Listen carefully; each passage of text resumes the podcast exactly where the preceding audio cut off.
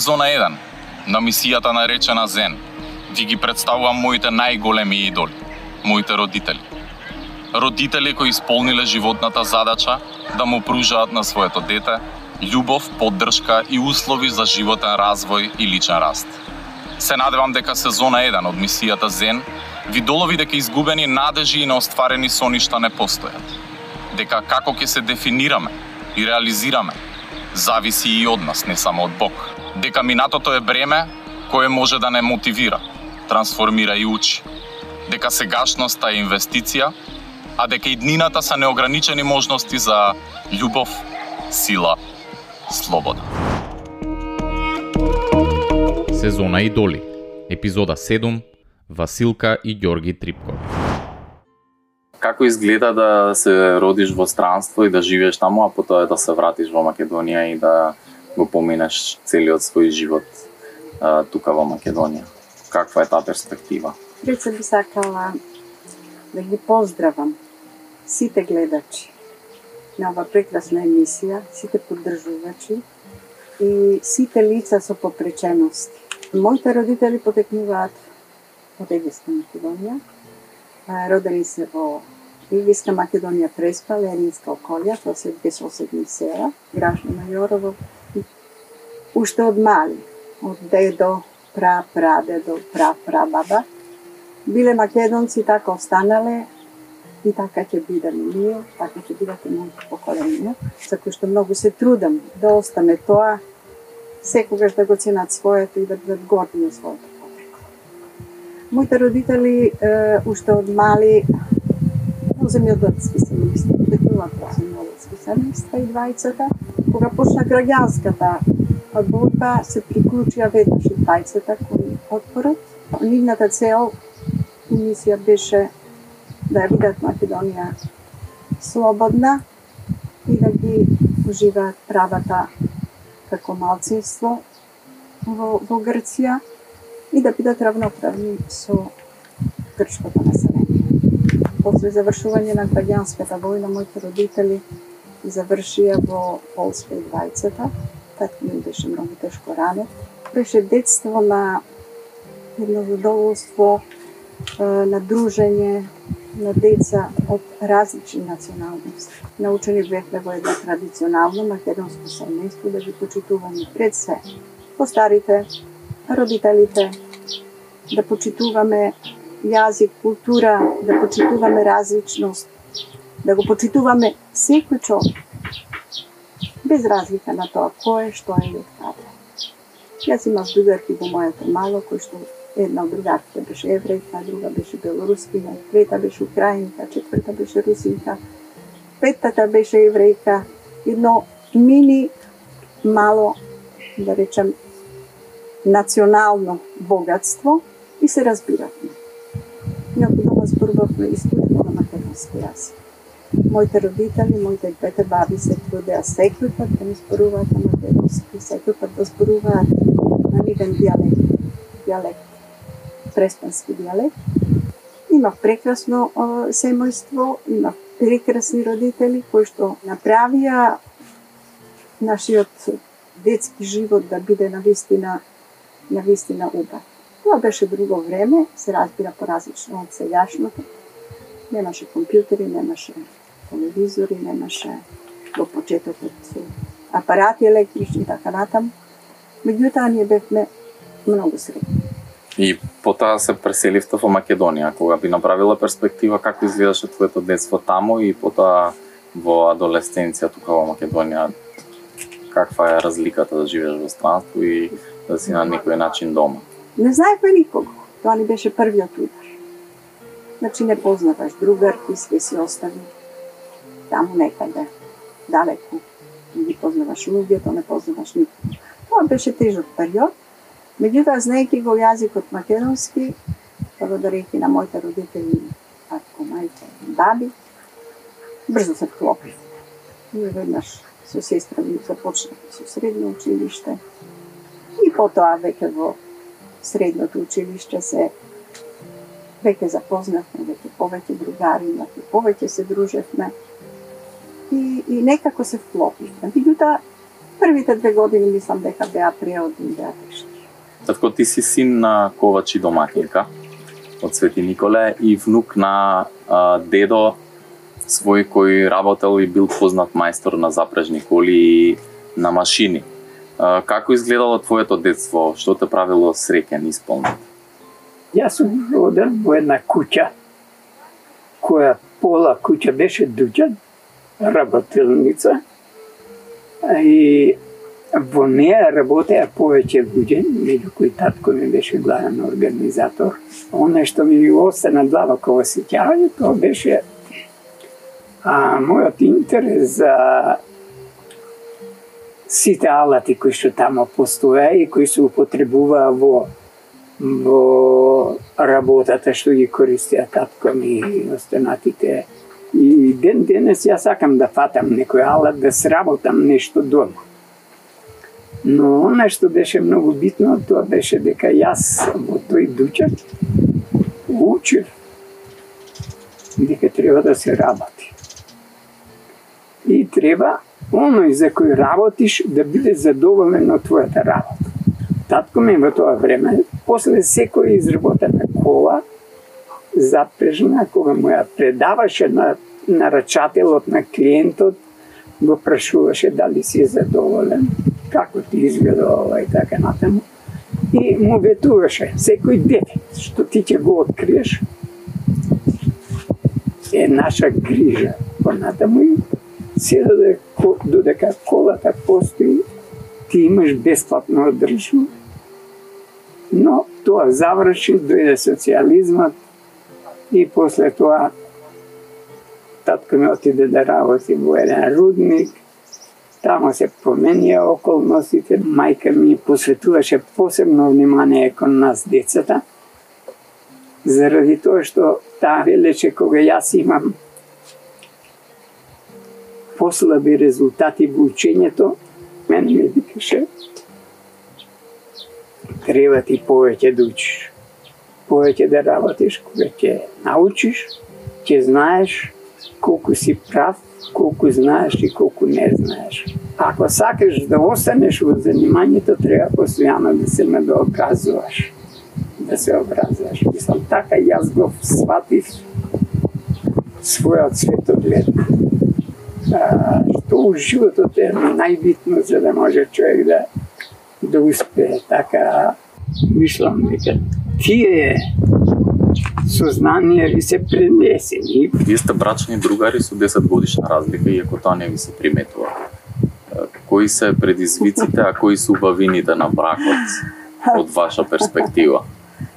Да, 9 и пол години сме разлика. Општо не мислев дали ќе мажот ми ќе биде една, две години, пет години постаре, помлад. Едноставно се случи. Се случи хемијата, хемијата проработи на свадбата на овој друг. И тоа понатаму отиде си зема свој по свој тек, да, да, спонтано тоа, свој тоа тек. беше се тоа. Продолжи понатаму врската, Преку другарството со Да. другарите, да, преку заедничките така. излети и така. Тоа. Дојдовме до заклучок дека сме еден за друг едноставно. Колку ви се промени животот кога не добивте, кога не добивте со со Лазар Многу. како деца? од корен. Љубов која не може да се опише. Не се опишува тоа, тоа чувство, тоа да се. Тоа е нешто што е најубавата работа во живот. Првите зборчиња, првите запчиња. Мислам дека таа слика останува до крај на животот. Да одгледаш мало суштество, да го гледаш како расте, да му се радуваш, да вложуваш труд во него. Беше голема чест и радост да се, да се прави. А како растевте, сето тоа беше како да кажем, едно, едно задоволство да се дружи човек со вас, да ве гледа, да одговара на вашите прашања, интереси, погледи. Се надевам дека и вие понатака ќе го правите истото со истиот жар и истата љубов која што вас вие по, бе, без никакви ограничувања пренесена. се зборува за само жртвата на мајката, како родилка на детето, но која е мисијата и а, улогата на таткото? Па од прилика мојата мисија беше јас да да добијам деца кои што ќе бидат работливи, кои што ќе размислуваат со своја глава, кои што ќе се дружат со многу деца, со различни пристапи во воспитување, во учење, во однесување и така натаму. И да се потрудиш да се образува, да стане возрастна личност, личност која ќе се самостои и самостојно ќе делува. Сето тоа, мислам, представуваше за мене, според моето сваќање, битна задача. Така јас од прилика мислев дека тоа е она која на децата јас морам да им го пружам. Тоа беше мојата мисија, постојано да ви помогнам тоа што ви беше тешко. Колку можам, колку знам, колку не знам да ангажирам други што знаат, али вие да знаете, да го знаете тоа за што сте тргнале на пат. Што ве мотивираше да, да останете државни службеници, да бидете цел живот државни службеници и да останете во служба на државата до самиот крај до пензионирањето? Знаеш, тоа треба човек да го има во себе. Тоа не се учи. Тоа е стекнато во семејството од најмалиност. Љубовта. Љубовта кон прво кон себе самиот, кон родителите, кон потесното семејство, кон фамилијата и на крај кон државата. Тоа беа други времења, тоа беше време на социализам, едно безгрижно детство, да речам, за вас, едно убаво време, време на убави дружби, време на излегувања, време на шетање. За разлика од денешното време, кое е турбулентно, кое што има многу предизвици, опасности, сепак мислам дека тоа беше едно помирно, помирно време, со една огромна посветеност, со една огромна љубов за државата да се придонесе. Кога би можела, тоа би го повторила. Повторно би останала во служба на државата. Вежба за несоница. При изведување на овие вежби не треба да чувствувате никаков дискомфорт или напор. Истите треба да делуваат релаксирачки на вашето тело и ум. Доколку тоа не е така, пробајте да го намалите интензитетот или пак прекинете ги веднаш. Лицата со попреченост можат да бидат асистирани од друго лице при изведување на вежбите и масажата. Повеќе од 30% од светската популација страда од хронична несоница. Пола од светската популација пак страда од несоница како резултат на стрес и анксиозност. Голем дел од нив си подпомагаат за полесен сон со лекови. Пожелно е вежбата да изведуваш во тивка просторија сам со себе. Пронајди комотна позиција, може да биде во седечка или лежечка положба со исправен грб и глава. Земи неколку длабоки релаксирачки здива. Кога ќе се почувствуваш спремно, земи длабоко воздух, распореден во 4 секунди, а потоа испуштај го полека здивот, распореден на 6 секунди. Повтори го процесот неколкукратно се додека не почувствуваш олеснување и релаксирање на мускулите и телото.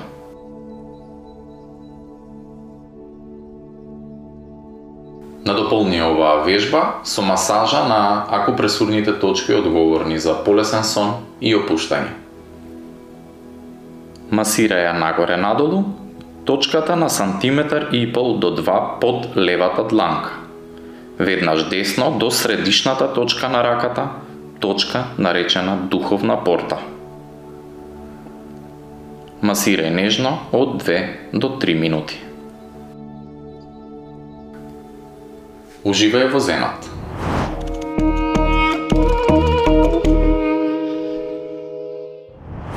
А вие реално сте е, во фамилија која има лице со попреченост и сте имале некои драстични е, емотивни можеби моменти во својот живот кога сте огледале вашето дете како а, одеднаш му се менува за 360 степени животот, но многу ми е битно да покажеме дека можеме заедно како фамилија, како семејство да и понатаму да стоиме еден за друг и да се поддржуваме. Што може општеството да научи еве од нас од лицата со попреченост, меѓутоа и од нас како семејство.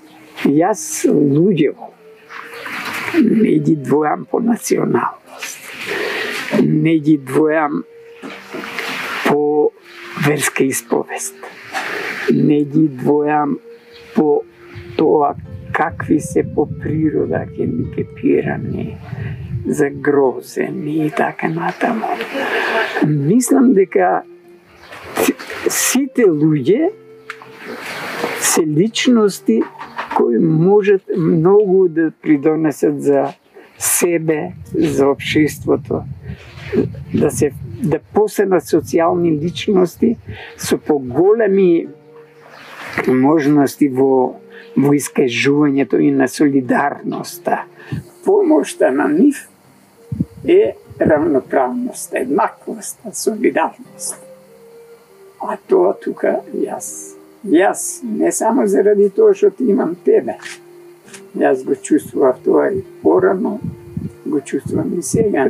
Треба многу да се работи во системот на образование, во а, системот на вработување, во социјалниот систем комплетна промена. Не е битно само да ќе му даеш поддршка, помош, некаква финансиска. На тука два аспекта. Првиот е обшествениот, колку обшеството се грижи за лицата со попреченост и втор аспект е за таквите лица и за родителите. Е уште потешко зашто тоа е шок. Шок кој што едноставно го носи човек во себе го носи, го чувствува и кога ќе нема помош од страна од обшеството, тогаш едноставно се предава. Многу малку на тоа обрнуваме вниманието и психолошкиот аспект. Не само на лицето со попреченост, туку на семејството кое со кое што живее. Многу е битна психолошката поддршка мене институции, да се разбудат институциите да ангажираат психолози, да ангажираат терапевти, да ангажираат лица кои што би можеле да му помогнат на лицето со попреченост во вид на советник, на некое да речеме советување на ниво на, на општина, на, на, на град или на заедница и да помогнат на семејство. Верувајте, семејството се соочува со многу поголеми проблеми. Да не зборувам за пристап, да не зборувам за финансиски, за финансиска помош и помош од секаков вид, која што општеството е должно да го, да го пружи. Што учите од мене како лице со попреченост? Желбата, упорноста и едноставно желбата за живот, за пронаоѓање себе си. Лицата со попреченост мислам дека имат некое седмо сетило кое што им вели не се предава, Оди напред. Тоа го имаш ти. Ти поседуваш мисија, веројатно таа мисија ти е всадена од најмали нозе. Мисијата ја носиш во себе, таа е вградена некаде глабоко во тебе. Предпоставам дека и ние, твоите предци имаат удел во тоа, твоите баба, дедо, ние како родители се трудевме секогаш. Секогаш се трудевме да да бидеме добри родители, да да воспитуваме во еден дух, да почитуваме во дух на почитување, на себе си признавање. Силата и мотивацијата, мислам дека кај тебе е пресудна, за да сите овие проблеми со кои што се соочуваш бидат побезболни. Син, јас кај тебе приметувам дека постои голема желба за самостојно делување, ефикасно делување. Сакаш да направиш нешто секогаш поинакво од она што до тогаш си го правил. И во на таа стаза ти чекориш добро, биди упорен. Не се откажува. Истра и не застанувај на тој пат. Силата е меѓу вас. Вие организирайте се добро. Покренувајте ги овие прашања секаде и во секој момент.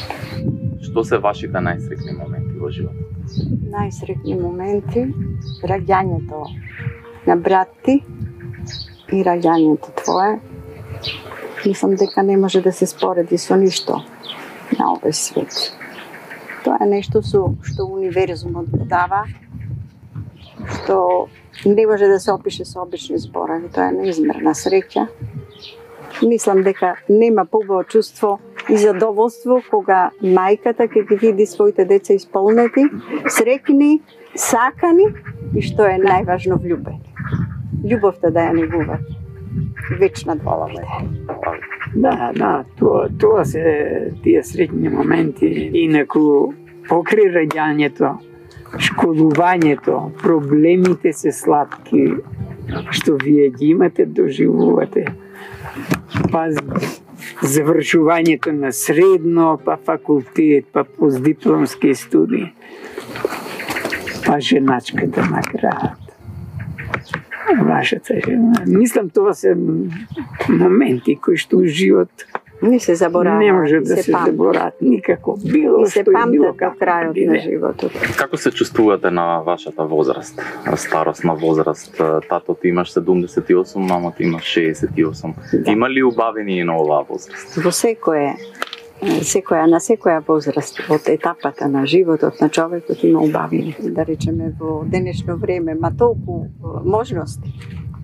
Од релаксирање, од вежбање, од јога, од шетање, од возење точак, од уживање покрај езеро, од уживање во прошетки вечерни.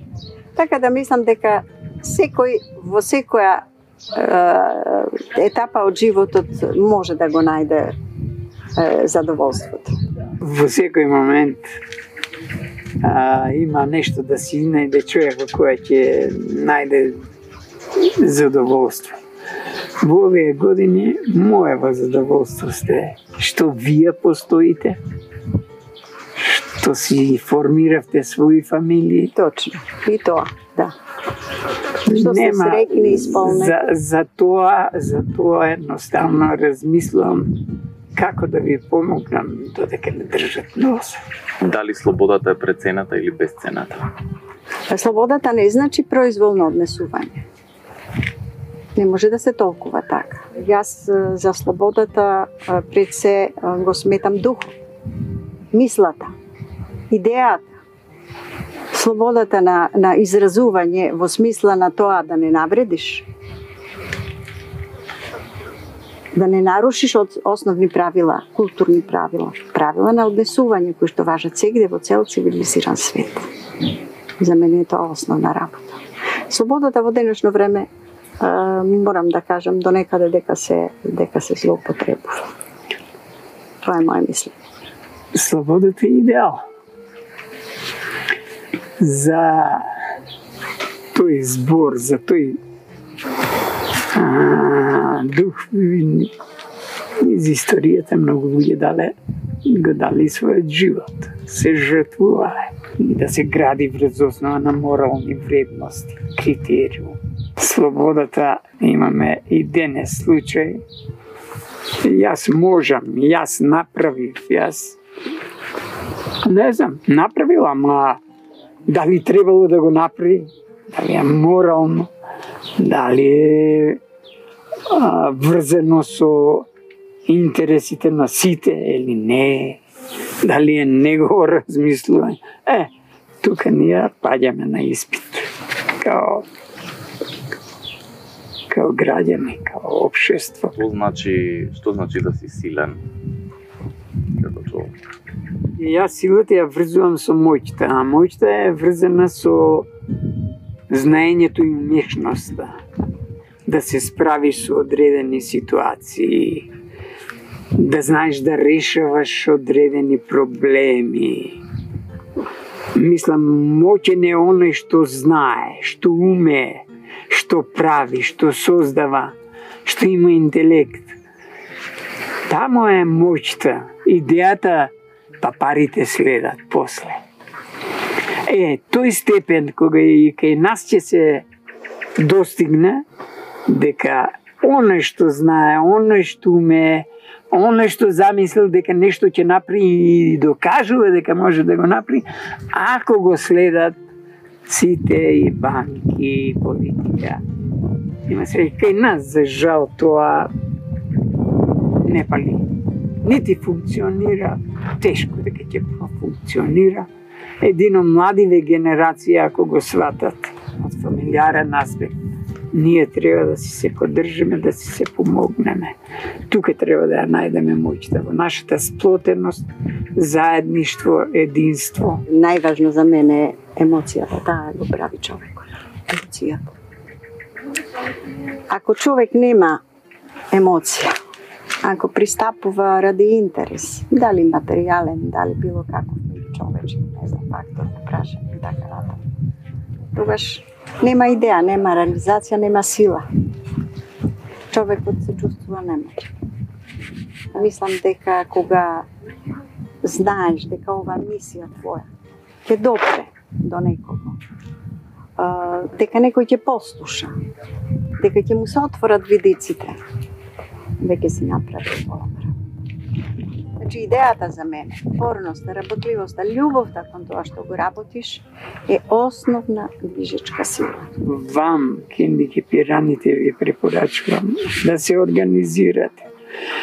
Маса организирана и единствена нема можност да не, да не ги оствари своите права. Ни политика, ни никој да стои пред вас. Точно. Рушите ги тие норми, Да, кои што постојат кај нас, кои што се ригидни, кои што се нехумани. Имате Така, право јас на тоа, тоа имам за слобода да го кажам. Портрет, љубов, сила, слобода. Гере Трипков. Јас сум Гере Трипков. Имам 39 години. Се соочувам со параплегија настаната како резултат на многу ретка состојба артериовенозна малформација. Не може да не игнорирате толку колку што може да ви дариме љубов. Не може да не дискриминирате толку колку што имаме сила. Не може да изградите толку непристапни тротоари и објекти колку што си ја сакаме слободата. Бидејќи нашата мисија се вика љубов, сила, слобода.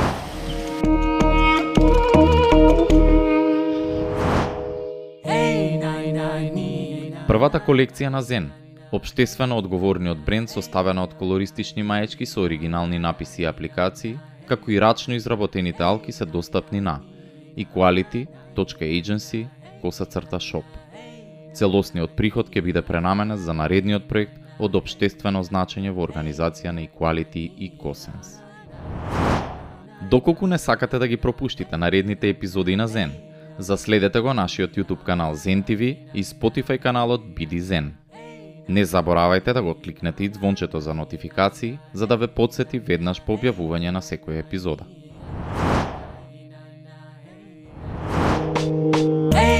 Ти благодарам, Гере, многу на тебе, на твојата сопруга. Сите убавини на овие на овој свет ги ги посакувам. Нашите успеси градите ги. Неуспесите заборавете ги. На крајот Симон, тебе ти искрено многу Како главен режисер на програмата, Те сакам колку моја ќерка. организатор. Вие сте наши деца и наши најљубени.